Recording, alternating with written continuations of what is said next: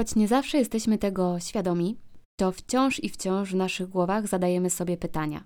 Poczynając od pytań, w co się ubrać i czy jesteśmy głodni, aż po te z zewnętrznym, z wewnętrznym krytykiem na czele, na przykład pytania w stylu: czemu nic mi nigdy nie wychodzi? No i tak się składa, że pytania programują sposób naszego myślenia i mają wpływ na efekty, które uzyskujemy.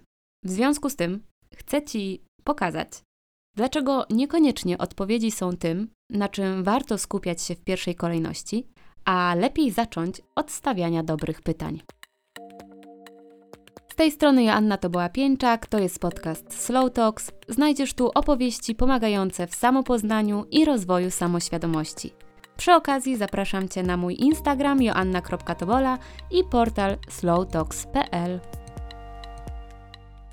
Chyba muszę podsumować, ile razy w tych odcinkach zaczynam od postawienia tezy, ale lubię zaczynać od stawiania tezy, a potem ją uzasadniać albo obalać. Więc i teraz od takiej tezy zacznę. A brzmi ona tak, że jesteśmy w taki sposób zaprogramowani, żeby w pierwszej kolejności wydawać opinie, zamiast próbować się czegoś nauczyć i coś nowego dla nas zrozumieć. I ten tryb działania bierze się z tego, że wychowani zostaliśmy w świecie, w którym oczekuje się od nas natychmiastowej odpowiedzi, a jej brak lub chwila na zastanowienie często pociągają za sobą przypisanie metki w stylu nie zna się, brakuje mu jej doświadczenia, jest gorszy, gorsza, albo tak ze szkoły, o, nie uważasz, nie wiesz, do niczego się nie nadajesz. I życie w takim systemie spowodowało, że nie tylko zewnętrzni krytycy głównie dochodzą do głosu, ale także dochodzi do tego, że coraz głośniej i głośniej odzywa się ten nasz wewnętrzny krytyk, którego każdy z nas ma w sobie. I uwierz mi, że ten wewnętrzny krytyk jest o wiele, wiele gorszy niż te głosy płynące z zewnątrz. No i tak, cała machina krytyki napędza się tylko i wyłącznie dlatego, że buduje się w nas oczekiwanie bycia alfą i omegą, w dodatku umiejącą skomentować wszystko w punkt i oczywiście natychmiast. Jak wracam sobie tak pamięcią do czasów szkolnych czy takiej słabej jakości spotkań zawodowych, to przypominam sobie, że na tych spotkaniach czy na lekcjach często pierwsze skrzypce e, grali ci, którzy bez zastanowienia rzucali osądami albo odpowiedziami, a ci, którzy milczeli, bo na przykład potrzebowali chwili na to, by się zastanowić, przetrawić to, co dopiero usłyszeli, albo uformować odpowiednie pytanie, albo najpierw zadać sobie kilka pytań w głowie, żeby powiedzieć coś więcej, to takie osoby bardzo często zostawały w cieniu i w dodatku ich notowania spadały z każdym kolejnym innym głosem dobiegającym z sali. Tymczasem nie zawsze tym, co niesie ze sobą wartość, jest y, z mojej perspektywy, jak to zwykle w tym podcaście, próba natychmiastowego znalezienia rozwiązania. Bo frustrujemy się brakiem pomysłu na siebie, zachowaniem bliskich wobec nas, czy postawami naszych współpracowników w pracy. Układamy sobie miliony scenariuszy, żyjemy w świecie założeń i łatwiej nam wytłumaczyć, że ten brak pomysłu na siebie wynika z tego, że prawdopodobnie jesteśmy beznadziejni, a wiadomo, że wszyscy inni oczywiście tacy nie są, a ktoś bliski ukrywa coś przed nami, no bo ostatnio więcej milczy, a koleżanka z pracy na pewno ze złośliwością zgłasza uwagi do naszych propozycji. Także cały czas zakładamy, wydajemy osądy i nawet niespecjalnie trudzimy się, by zweryfikować, czy to wszystko, co właśnie wydarza się w naszej głowie, jest prawdą. Nie zadajmy sobie trudu, by zadać sobie takie pytania jak skąd to wiem, skąd to wiem, że jestem beznadziejny, beznadziejna, z czego wynika zachowanie bliskiej mi osoby, a może czego ta osoba potrzebuje, co stoi za takim zachowaniem tej koleżanki? I czy to aby na pewno jest złośliwość, a może ona po prostu chce pomóc i to jest jej sposób na pomoc? Budujemy sobie w tych naszych głowach taki swój własny świat, oparty na założeniach i na tym, jaką w danej sytuacji samoocenę mamy. I im ta samoocena jest niższa, tym z dużym prawdopodobieństwem te założenia będą mroczniejsze i będą opierały się na tym, jak bardzo beznadziejni jesteśmy, nie nadający się do niczego i oczywiście skazani na wieczną porażkę i potępienie. Z drugiej strony jest też postawa ze zbyt rozrośniętym ego, która prowadzi do tego, że dyskredytuje się innych i uważa za wszechwiedzących. O tym ego to w ogóle mógłby być osobny odcinek, więc to tak w dużym skrócie, bo ja tak się zastanawiam, co gdyby odejść od tych osądów, od wydawania opinii, a mocniej skupić się na dociekliwości i chęci głębszego zrozumienia. I jeżeli słuchałaś, słuchałeś poprzedni odcinek podcastu, to też już wiesz, że to nieczynienie założeń jest jedną z czterech umów, które warto zawrzeć ze sobą i wprowadzić do swojego życia. Więc jeśli nie słuchałaś, to odsyłam do poprzedniego odcinka. Ale wracając do, do pytań, umiejętne zarządzanie naszymi myślami ma ogromny wpływ na nasze samopoczucie, na kierunek działań. I z jednej strony możemy pozostawać reaktywni, a z drugiej możemy stać się po prostu bardziej uważni i skupić się na takiej samoobserwacji, na tych naszych myślach, bo nasze myśli wpływają na to, jak reaguje nasze ciało i jak chętni do podjęcia jakiegokolwiek działania jesteśmy.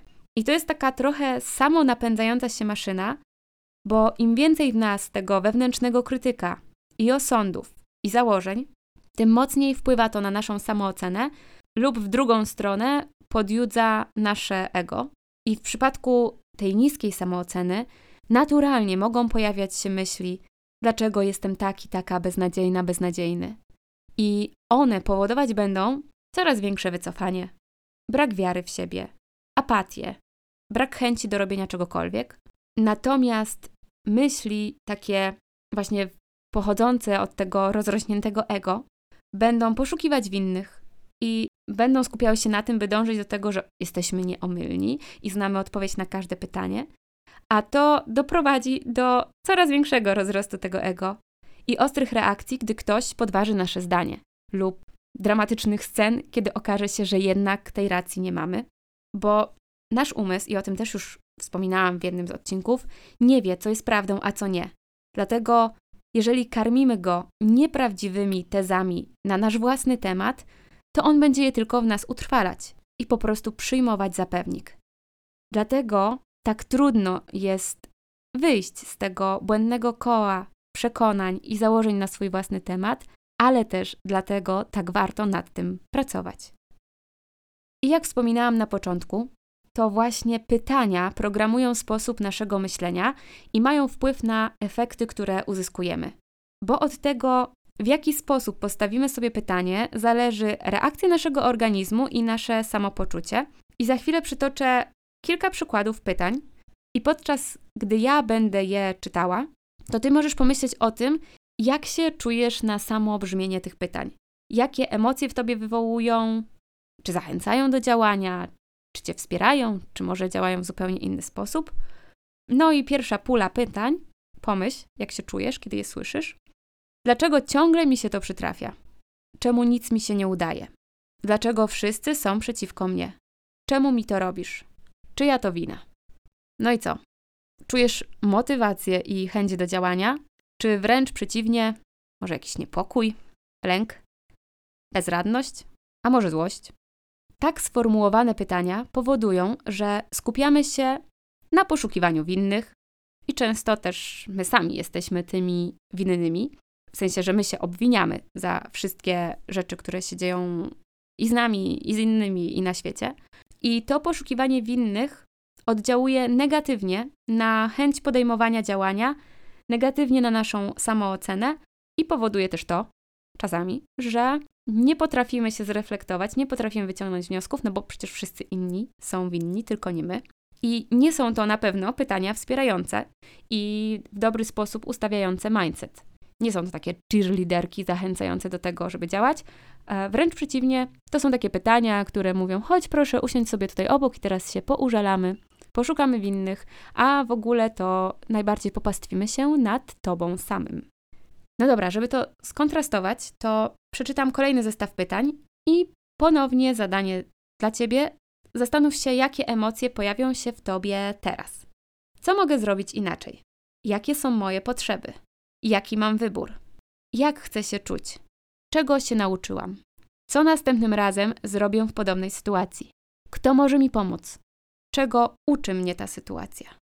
No i mam nadzieję, że czujesz moc, jaka tkwi w tych pytaniach i że tak zadane pytania nastawione są na znalezienie rozwiązania, wsparcie, na zatroszczenie się o samą samego siebie i na wyciągnięcie wniosków na przyszłość po to, żeby gdy taka sytuacja wydarzy się ponownie, móc znaleźć lepsze rozwiązanie, móc na niej na przykład skorzystać.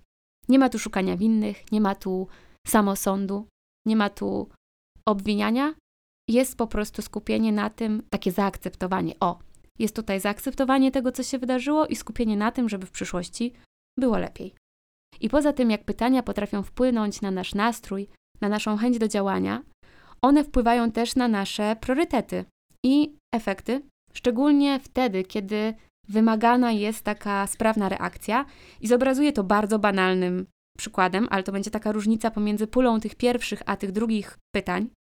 I teraz wyobraź sobie, że właśnie jesteś na lotnisku, dwie godziny przed Twoim samolotem na wymarzone wakacje i przy kontroli dokumentów okazuje się, że nie zabrałaś, nie zabrałeś paszportu.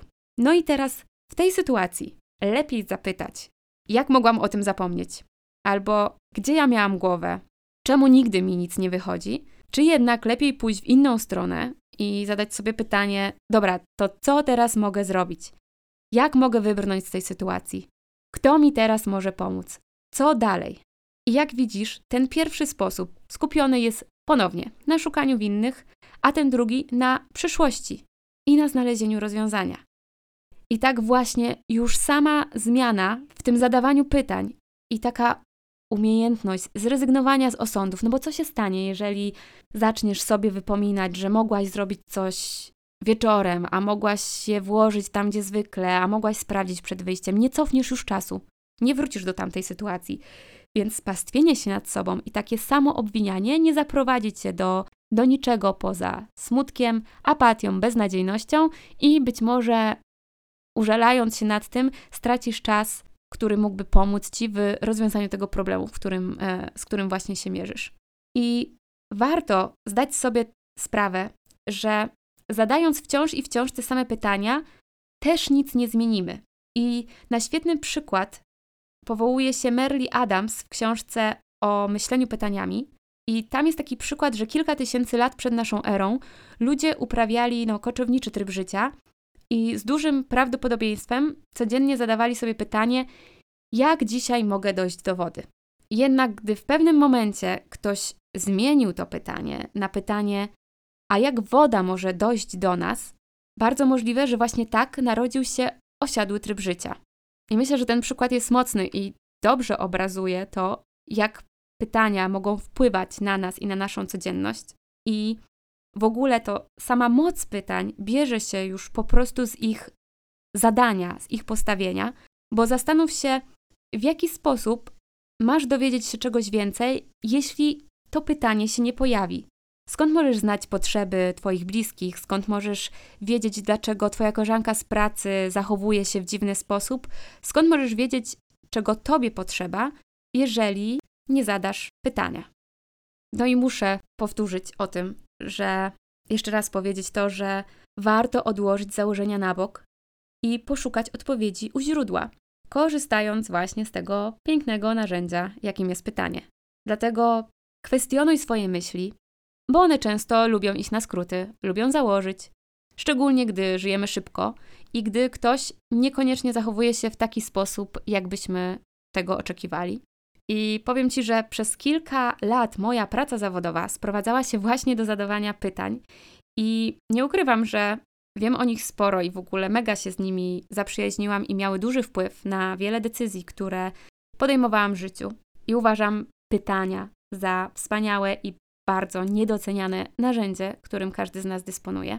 I rok temu wydałam taki e-produkt oparty właśnie na pytaniach. On w ogóle zapoczątkował zapoczątkował całą historię Slow Talks. I to jest 100 kart z pytaniami do rozmowy. Do rozmowy ze sobą, do rozmowy z bliskimi. I jakiś czas temu trafiła do sprzedaży też kontynuacja tego projektu. Kolejne 32 pytania, 32 karty z pytaniami do rozmowy pod hasłem bliskość. I w tej bliskości zawarłam takie rozbudowane pytania, które pomagają porozmawiać o czymś więcej, zbudować bliskość i mocniej poznać drugą osobę, partnera, partnerkę, przyjaciółkę, przyjaciela, rodzinę. I ja sama w trakcie wielu wieczorów testowałam te karty z pytaniami z moim mężem i mimo, że jesteśmy ze sobą już 8 lat i naprawdę sporo ze sobą rozmawiamy, to nieraz postawione pytanie z tych kart, które razem tworzyliśmy, potrafiło nas zaprowadzić do takich nowych rozmów, do wzruszeń, do nowych odkryć. I same pytania to jest tylko pretekst do tego, by znaleźć po prostu czas dla siebie, by znaleźć czas dla bliskich, właśnie na takie rozmowy oparte na uważności, na empatii, by być bardziej świadomie w tu i teraz. I na slowtalks.pl dostępne są zarówno same karty bliskość, jak i taki pakiet kart z pytaniami.